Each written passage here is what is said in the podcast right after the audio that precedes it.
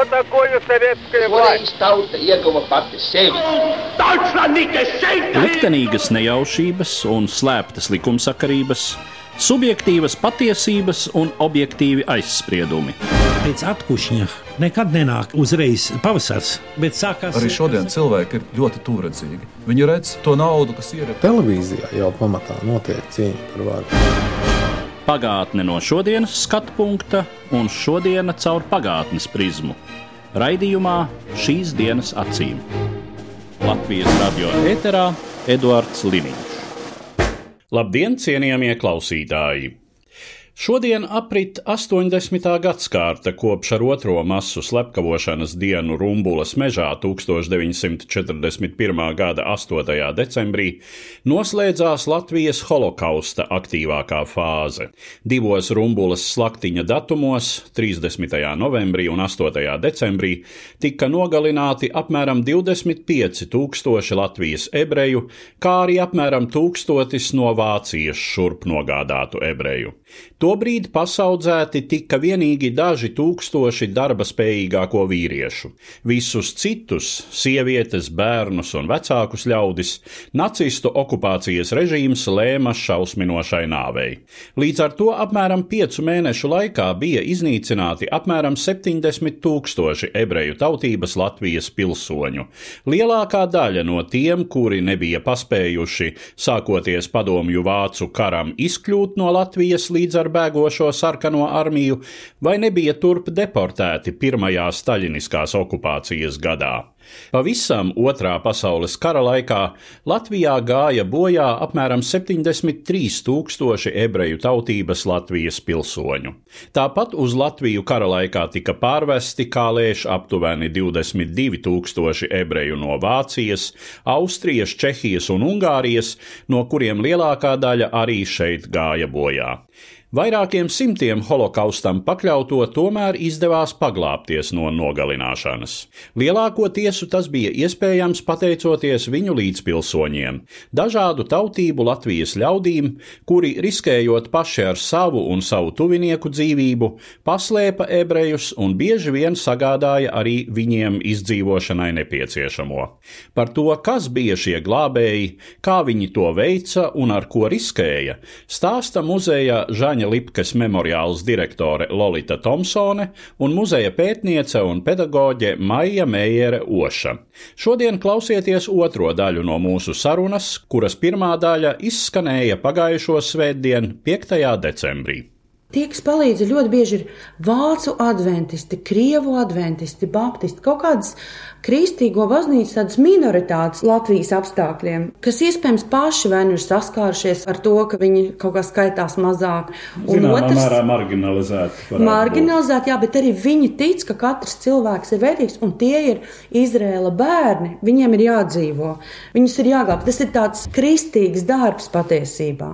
Tas, ka daļa ar viņiem nodarbojas ar misijas darbu, arī skaidrs, jo viņam ir katra tā dvēsele, kas ir pievērsta Jēzum, tas ir ieguvums. Un Valentīna Frēmana to ļoti labi apraksta. Lai viņi strādā par sanitāru mežciemā, man liekas, tas ir kaut kāds vecoļaušu pansionāts, slimnīca, kaut kas tāds. Un ir tā sieviete, kas viņai palīdz, kas ir, man liekas, viņa bija no adventistiem. Viņa visu laiku viņu pamazām mēģina evanģelizēt, teiksim tā. Un viņi saprot ar visu to, ka tās ir nāves bēlas, viņai ir jāslēpjas. Viņa tik ļoti baidās pazaudēt to savu identitāti, viņa nav nekāds ticīgs jūtas. Viņa vienkārši negrib tam padoties. Vēlāk, protams, viņa slēpjas citur jau. Arī viņa ir piemērs, lai vienu cilvēku izglābtu, cik ir vajadzīgi drosmīgi cilvēki.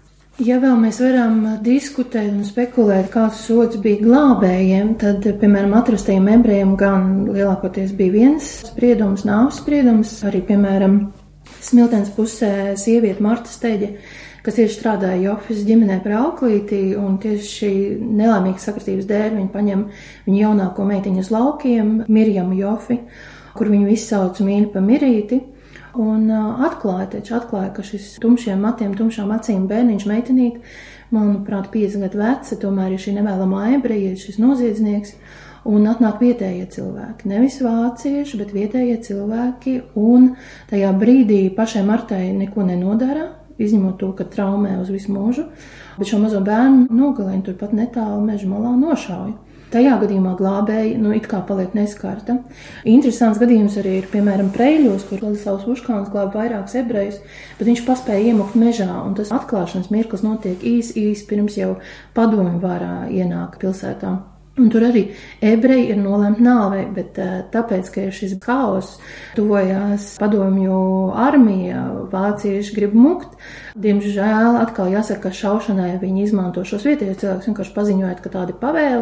Šos atrastos ebrejus visus nošauti, ieskaitot eh, mazo bērnu Mordehaju, Hagi, jeb eh, Moķa, kā viņu ģimenē sauca. Un tur šie šāvēji pienāk pie ebrejiem, Viņiem ir tik šaušalīgi žēl, kā tie cilvēki izstāsta, ka viņi bada, izmocīti. Viens no bērniem ir nomiris, vecākais brālītis, Moķam Ariks ir nomiris. No bada. Viņi ir tik ļoti izmocīti, ka paši tie šāvēji viņiem iedod apēst maizes gabalu. Un godīgi pasaka, klausieties, mēs saņēmām šādu pavēli, jūs ir jānošauj. Daram tā, ja priekšnieks ir klāt un skatās, mums jūs ir jāšauj. Ja viņš aizies, mēs izšausim gaisā, un jūs iebeidziet mežā, vienkārši pagaidiet, kad sarkanā armija šeit būs. Ir arī šādi stāsti. Un um, vēl ir tādi cilvēki vienpatņi, mēs nezinām daudz par viņu ticību, bet Arsenijs Karņilovs, kas uh, Latgalē izglāba 11, tāpat kā Sēduls 11 ebrejus, meža vidū viņš ir mežsargs, vecacībnieks. Tur nav skaidrs, cik ļoti tā ir ticības lieta, bet viņš riskē ne tikai to, ka kāds, protams, viņu var izdot, bet tikmēr viņi paši tuvinieki arī viņiem nav gana ko ēst. Tur ir uh, kaut kāds māsas, tur bērni, kas mirst no bada, bet viņš nevar, viņš jau nevar visiem palīdzēt. Viņš izvēlas kaut kādu vienu vietu, kur viņš kaut ko var vēl līdzēt. Un uh, tie paslēpti ebreji izdzīvo un sagaida kara beigas. Vēl ir gadījumi, par ko mēs nezinām. Mans eh, vēstures pasniedzējs skolā, vēsturnieks Vālts Klišāns, nesen pirms gada, man liekas, tas bija Facebookā arī rakstīja, ka viņš sēž mājās, viņš runā ar onkuli, un onkulis viņam saka, nu jā, mums jā arī mājā, mēs jau slēpām nedēļu vai divas. Bet tad atnāca un te piedraudēja, nu, vai nu, nu ka visdrīzāk viņi iemuka mežā, vai tur kāds piedraudēja. Cilvēkiem ir ļoti grūti atcerēties notikumus, īpaši, ja viņi zina, ka viņi kādam ir devuši naktsmājas uz nedēļu vai dienu, un tie vajāti ebreji, kur viņi pēc tam palika, visdrīzāk jau viņus eh, noķēra. Bet vismaz šādi gadījumi norāda, ka cilvēki mēģināja palīdzēt. Skaidrs, ka tas ir eh, gandrīz neiespējami, tas ir ļoti grūti, bet eh, vismaz kaut kāds mēģinājums ir bijis. Un Vestermankungs arī saka, tad, kad viņš iebēg no Popenvalsts nometnes nākot kurzemē, ka viņš iebēg mežā, daļu no bēgošiem nošāva, viņam izdodas iemukt mežā dziļi. Viņš arī saka, es meklēju palīdzību. Es esmu tajās ieslodzīto drēbēs. Visiem ir skaidrs, ka es esmu ebrejs, un man neviens neko nesaka.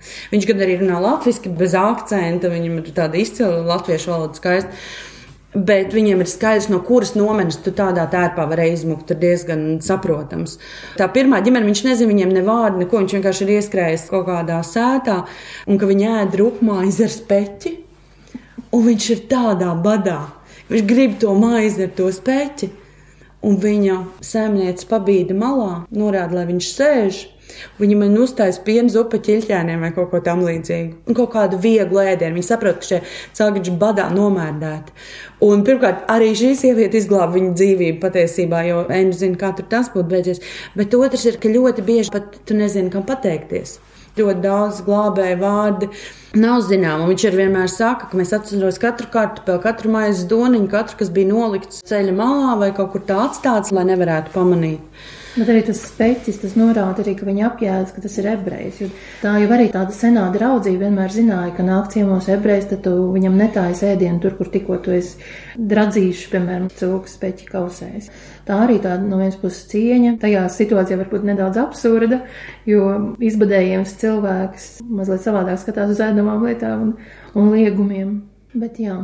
Te gan varētu būt tas motīvs, ka tiešām tas jau bija diezgan labi zināms. Ja ilgi badojies cilvēks apēd speķa gabalu, tad tas varēja izraisīt vismaz hepatītam līdzīgu reakciju. Kāds ir priekšstats par to, kā veidojās šie glābēju tīkli, kā šie cilvēki savukārt cits citu atrada, sazināja, un lai šī glābšana būtu sekmīga, tad bija jāmaina laika pa laikam bieži vien tās dzīves vietas. Vai tur veidojās kaut kāda organizatoriska struktūra? Par struktūru to nosaukt būtu pa skaļu, bet kaut kādai saiknei ir jābūt arī starp tiem cilvēkiem, kas tad glāb normālā standarta gadījumā, vai nu viena ģimene paplašinātāja, ja, kur arī tiek iesaistīti arī kā aizputs gadījumā trīs māsas, un viņu vīri patiesībā ir tie galvenie glābšanas vietas gatavinātāji un tie, kas sarūpē, un tiek iesaistīti paplašinātā ģimene. Kādā gadījumā šī ir reliģiskā motivācija. Te pašā liepā ja mēs arī atrodam, ka pie pilnīgi sveša cilvēka Izaka Klavanska pienāk klīta paskatā latviec un saka, pirmkārt, nācis tev pabarošu, otrkārt, ja pavisam, pavisam slikti, tad tu zini, ka tu pie manis var atnākt eh, pēc palīdzības. Un šis latviec norganizē tālāk, tā kā viņš ir ticīgs cilvēks, kristietis, kordiriģents, Eilenbergs, tad viņš tas savus draugus cilvēkus sasien kaut kādā ķēdē nosacītā. Bet šeit ir šis Žaņa Lipkis fenomens, ka tie cilvēki patiešām visbiežāk nezināja viens par otru eksistenci. Viņš pat slēpa no ļoti uzticamiem cilvēkiem, kas ne pirmo reizi uz dobels pusi veidā kravu ne tikai ar vecām mēbelēm, bet arī ar ebrejiem. Viņš neatklāja pat viņiem, kuras ir šīs slēptuves. Viņš vienmēr ņem vērā to, ka var pieķert, var spīdzināt un var nodot ne tikai to vienu cilvēku, jau, bet visus, ko viņš ir paglābis. Tādā ziņā Žaņas Lipke ir nu, tiešām tāds absolūts unikums, pilnīgi, pilnīgi svešs cilvēks. Un tādā situācijā uzticēties, un šis tiem tiešām ir tāds noslēpums, kas ir dzīvības un nāves jautājums. Tas tev nav aizdot piecus latus. Tiešām tava dzīvība ir otra cilvēka rokās. Un, ja ņem vērā, ka viņam bija apmēram 25 palīgi, kas visbiežāk nezināja viens par otru eksistenci, ka tikai dažreiz nojauta, ka varbūt Žanim tur dobels pusē vēl kādu vietiņu, jo tie ebreji tur parādās, pazūd. Tas man liekas tā fenomenāli. Jā, Žaņa Lipkas gadījumā tā bija ne tikai drosme un uh, pašaizliedzība, bet uh, arī es teiktu, talants. Jā. Un organizatoru spējas fenomenāls, protams, jo viņš arī ievāk tos šoferus, ar kuriem viņš kopā ir strādājis, viņš zina, ka tie ir uzticami cilvēki. Kārlis Jankovičs, kurš Marijas ielā pie ziedoņdārs, viņš izbūvē tādu pašu bunkuru, kā ir Lipkem, tepat zem malkšķu, viņš izbūvē garāžā. Un arī visādi veidi, kā viņi tās eju noslēpt. Viņa tik perfekti uzzīmē ķieģeļus, kas izstāsta kā ķieģeļa siena, kas patiesībā ir atverama tur iekšā paslēptos. Un, um, Žānis tur vairs nevar eh, nest ēdienu, jo tas ir pārāk tālu un sarežģīti, un daudz tās slēptuves ir. Un tad ir uh, Marija Lindenberga, kur tur nes ēdienu un ir uh, saziņā ar tiem ebrejiem, kas tur ir paslēpšies. Mums nav tādas pagrīdes tādā nozīmē, kā tas bija Holandē vai Beļģijā, ka tas ir caur Lutāņu baznīcām, ir visi tie mācītāji, kas tur mēģina arī ar draudzēm vai vēl kaut kādos veidos strādāt, vai kas ir pretošanās kustībā. Patiesībā tās ir organizācijas, kuras savā ziņā palīdz savējiem un arī mēģina palīdzēt ebrejiem un glābt viņus. Mēs par tādām nevaram runāt. Tāpēc ļoti daudz tieši šie glābšanas gadījumi, kas ir Latvijā, viņi ir tādi individuāli, absolūti individuāls drosmes piemēri. Daļa gadījumu ir, ka cilvēki draudzē, zinot, ka tomēr tā ir draudzene, viens otram var uzticēties. Tad, teiksim, tie adventisti draudzēni, krievi un, un vācieši, viņi padod tos ebrejus tālāk. Māsas klebais, man liekas, ir adventistis. Viņas arī nenodos ne tos ebrejus, ne tos, kas ir viņiem draudzē piederīgie. Bet tāpat tas ir eh, kaut kāds nereāls risks. Īpaši zinot, ka ļoti bieži tie nav bagāti cilvēki, kas to dara. Mums ir eh, statistika, kas ir eh, Vestramiņa kunga un Anitas Jenčs arī apkopotā, ka ir viena ceturdaļa glābēji, par kuriem zinām nodarbošanās, viena ceturdaļa zemnieki un tad ir strādnieki un dažādu darbu veicēji šoferi. Arī pēc žaņa mēs zinām, lielākā daļa palīgu ir, ir šoferi, dokeri, vis, visādi tādi. Viņš gan iesaist arī ārstus, un Emīlija Jābela viņam palīdz, kas strādā arī ārstu praksē, kas ir medmās. Viņš zina, kā tur tikt klāt. Ir zināms par 17 garīdzniekiem, kas palīdz, kas ir 3% no glābējiem. Nu, labi, lielāko daļu, vienu ceturdaļu mēs pat nezinām, ar ko viņi īsti nodarbojās. Tas nav, nav zināms, bet reku no sētnieka redz 20 eh, glābēji, nu, kas ir palīdzējuši dažādos glābšanas gadījumos, ir eh, sētnieki. Man simpatizē arī tas, ka Latvijas kāra muzeja darbinieks arī ir izglābis vienu ebreju kopā ar sievu, sievas paziņu Zamuēlu Grasu ka mūsu cunftes pārstāvji arī ir glābēji sarakstā. procenti, un daži ir mākslinieki un ir mūziķi, kas mēģināja palīdzēt. Un tas vienos no tiem glābšanas stāstiem ir arī par mūziķiem, presu ģimeni, kas sākumā meklē vietas, kur viņiem slēpties. Arī viņi saka, ja, ja mūsu mamma nebūtu nogalināta rumbulā, mēs nemeklētu palīdzību. Jo viņi mums teiktu, ka tas nav pieklājīgi. Un viņi bija jau tādā izmisumā, presa, ka viņi bija gatavi vērsties pie profesora Krūmiņa, nododot tās zīmītes viņam. Un tie piekrita, un, un vēl viņi teica, ja mēs zinātu, ka mēs lūdzam palīdzību un slēptu uz trīs gadiem, mēs nekad to nebūtu darījuši. Arī ir tādas lietas, bet dīvainākie arī glābšanas gadījumi liekas, ka nu, Ebrejs noteikti glāba latvieši, tāpēc, ka viņi patiesībā ir tādā drošā situācijā, nu, Maksims vācieši. Bet uh, tur ir gan glābējus, kas ir jauktās ģimenes, kas ir latviešu ebreju, baltvācu ebreju ģimene, Baložielā, Kumerovu ģimene izglāba ebreju meitenītā Vīvu Nībergu.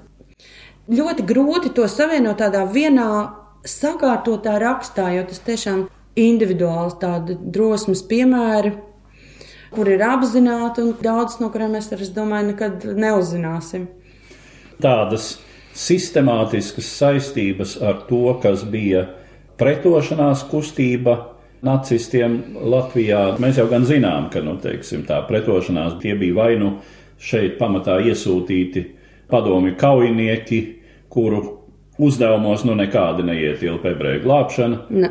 Un otrs variants - tātad nacionālā pretošanās, Pirmkārt, tā nebija bruņota pretošanās, nebija nekādu kaujas grupu regulāru, nekas tāds. Nu, ir zināmi šie atsevišķie gadījumi, kur uh, Latvijas centrālās padomes atsevišķi aktīvisti ir piedalījušies arī atsevišķi ebreju glābšanā. Par Miķelsonu, man liekas, ir viens tas gadījums, ko arī apraksta Lasmans kundz grāmatā par uh, bēgļiem, kas dodas no Latvijas uz Zviedriju un visiem tiem laivniekiem, kas viņiem palīdz. Viens ir tas ebrejs, kurš kurzemē ir uh, arī kaut kāda mežsarga meitas, viņa tur bija paslēpuši, viņš brīnumainā kārtā bija izdzīvojis, un te viņu sūta ar laivām uz Zviedriju, un zinot, ka tur patrulē Vācu armijas laivas. Viņu iebāž kaut kādā tur, neatceros, ogļu kastē, dibenā, kaut kur viņu, viņu tā kā paslēp vairāk nekā visus citus. Tieši tāpēc, ka viņi zina, ka ja viņu atradīs tajā laivā, tas nebūs vienkārši. Būs skaidrs, ka viņi palīdz ebrejiem izdzīvot. Un viņš izdzīvot, viņš tad viens, viens no tā viss ir. Runājot par to, kas notiek pēc kara, par šāvējiem padomju varai ir interese lai gan pamatā arī ne kā par ebreju iznīcinātājiem, holokausta realizētājiem, bet kā par padomju dzimtenes nodevējiem, kas ir kalpojuši tātad ienaidnieka varai. Kā ir ar glābējiem, vai viņu nopelni pēc kara padomju režīmā tiek kaut kādā veidā atzīmēti, vai varbūt tas ir pat kaut kas tāds, par ko labāk nevienam nestāstīt? Pirmkārt, izdzīvojušie ebreji jau gāja cauri tādai otrai pratināšanas ellē, pirms tam, ka viņi ir izdzīvojuši cauri visam vācu režīmam. Ja tu esi izdzīvojis, kāpēc tu neesi beigts, kāpēc tu neesi miris? Tas nozīmē, tu vai nu sadarbojies, protams, ar nacistiem, vai tur ir kaut kāds aizdomīgs stāsts, vai tu noteikti esi kaut kādā veidā bijis pret padomu varu.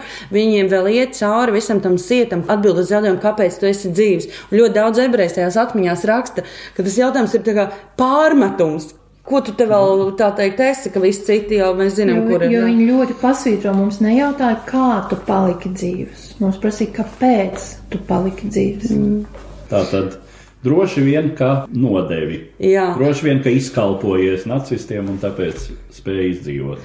Un Žana Lipke pratina divreiz, atmiņās viņš tā stāsta, ne jau mēs viņu intervējam, Lipke daudz Zilbermans intervē, bet ka viņam vienā no tām pratināšanām, viņam teica, mēs zinām, ko tu darīji kara laikā. Viņš teica, nu, ko es darīju, cilvēkus glābu. Viņam teica, ņiķieks pasauli, ka nepareizos tu glābi. Žēna Lipas gadījumā gan viens bija arī komunists, ko viņš dārzā slēpa, un varbūt tas kaut kā bija. Um, tā, viņš vienmēr sāk, piemēram, tad, kad viņš lūdz, lai palaiž tomēr uz to Austrāliju, vai sākumā bija cerība arī varbūt uz Izraēlā palaidīs pie izglābtiem satikties. Viņi vienmēr sāk, es izglābu, un tad šis komunists. Jānis Krastīņš. Jā, jā. Ko pēc tam noķēra, vācu vārdu noķēra un nogalināja. Bet, nu, viņš te bija kaut kā meklējis vismaz slēpto, bet viņi neslēpa bunkurā kopā ar ebrejiem, tas būtu bijis pārāk riskanti. Bet par lielāko daļu cilvēku patiesībā viņi nestāsta, ka viņi ir glābuši ebrejus. Tā nav nekāda tēma, kuru izcelt. Un man šķiet, vispār par Žani Lipki ir tāds padomju publicistikas, tāds literārs žurnāla avīze ir 60. gadi. Viņu ik pa laikam, tuvojoties 9. maijam, 9. ja nevis 8.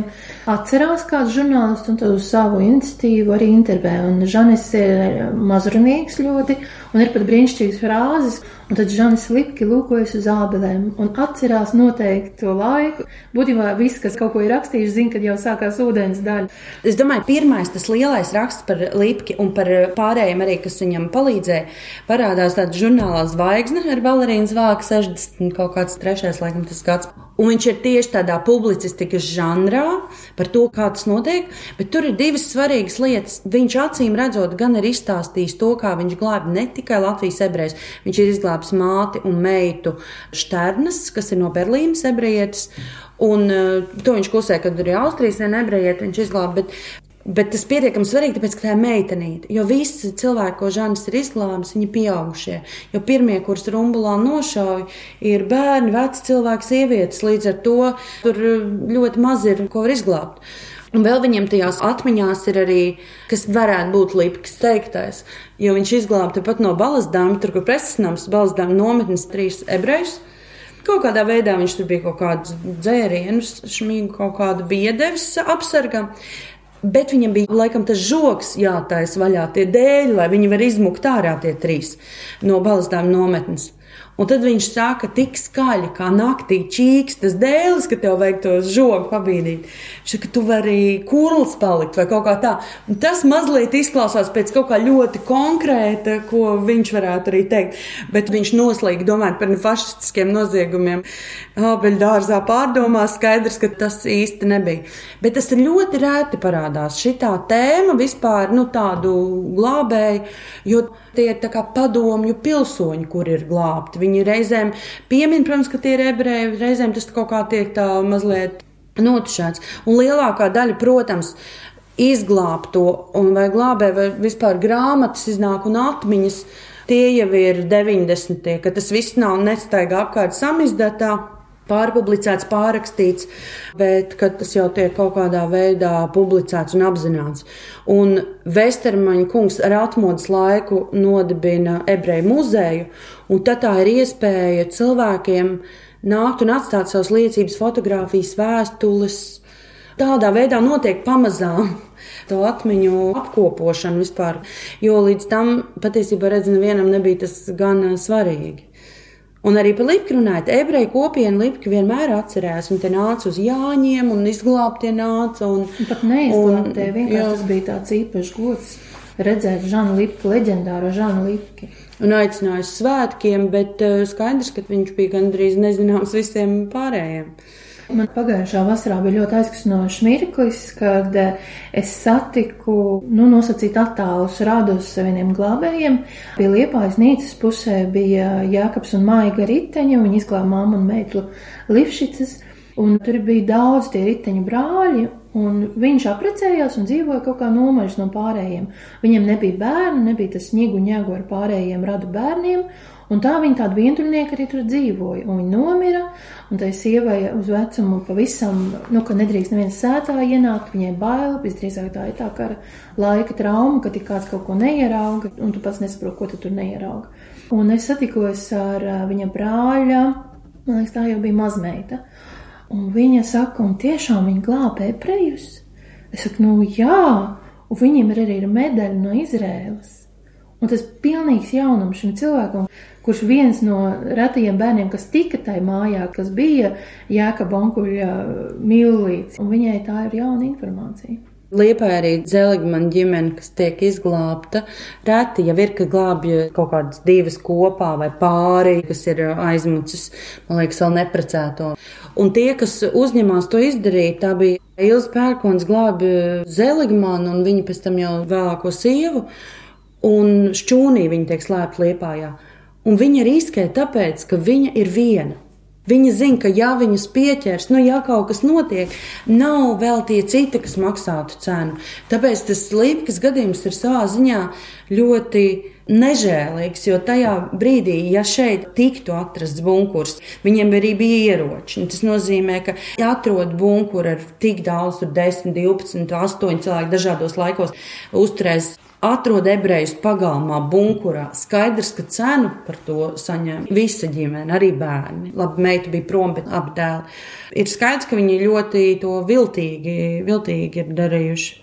Un citreiz, jā, tu vari izdomāt visviltīgāko plānu, un tas kaimiņš ierauga, un tas kaimiņš neliekās mierā, kamēr viņš neuzaicina policiju. Un tad, ja tā ir policija, tad viņi jau tur rūpīgāk to visu apskata. Tā notika arī aizputē. Tur bija tieši tāds pats plāns, ar teikt, kā bija Žanim. Viņi sēž bunkurā, viņi šuj kaut ko, un viens no tiem glabējiem ir drēbnieks, tad viņš tēlo, ka tas ir viņa darbs. Tātad viņi var sevi uzturēt, pabarot, un nelēmīgā kārtā kaimiņi pamana. Un kaimiņi neklusē, un tāpēc ir tas, ka jābaidās ne no vīra uniformā, bet no kāda kaimiņa, kāda nelabvēļa vai vienkārši muļķīga cilvēka. Jā, vai vienkārši likuma paklausīga. Nu jā, tāpēc es saku, runājot par glābējiem, ir jāatcerās viss, ko tas cilvēks pats ir mēģinājis darīt, kā domāt, kur paslēpties, vai, kā, vai kaut kādu ieradumu tur stāties rindā pašās beigās, jo tā rinda var beigties ar zupu, bet var beigties arī ar nošaušanu.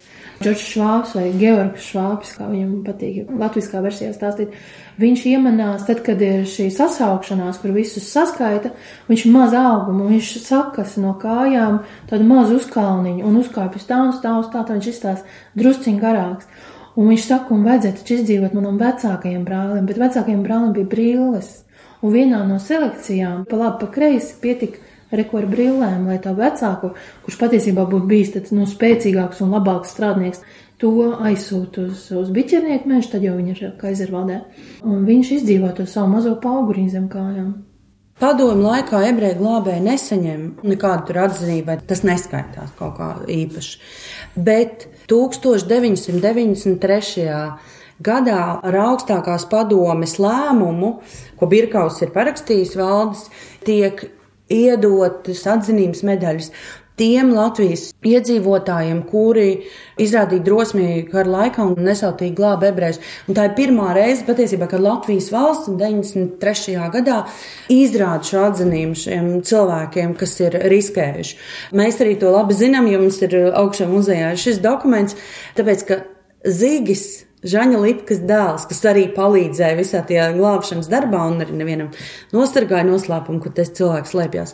Viņš viņu saņēma gadu pirms nāves. Viņš saņēma vienu, ir tā atzinība, ko viņš saņem arī savu vecāku vārdā, jo vairs ne Žaņa, ne Johans Lipkas vairs nav. Tas ir īpaši arī tas, ka tā ir vienīgais apbalvojums. Būtībā vienīgā valsts, kas pateicās Zigiem, bija Latvija, jo Izraēla nevar viņam piešķirt. Viņam nebija 13 gadu uz to brīdi, kad viņš stiep tos spaiņus un turēja to muti un nevienam neizstāstīja neko. Viņš vēl neskaitījās apbalvojams. Līdz ar to izskan saruna, kurā pievērsāmies Latvijas ebreju glābšanas pūliņiem nacistu okupācijas režīma īstenotā holokausta apstākļos Otrā pasaules kara laikā. Manas sarunbiedres - muzeja Žaņa Lipkes memoriāls direktore Lolita Thompsone un muzeja pētniece un pedagoģe Maija Meijere Oša. Uz redzēšanos, cienījamie klausītāji! Par pagātni sarunājas Eduards Līniju.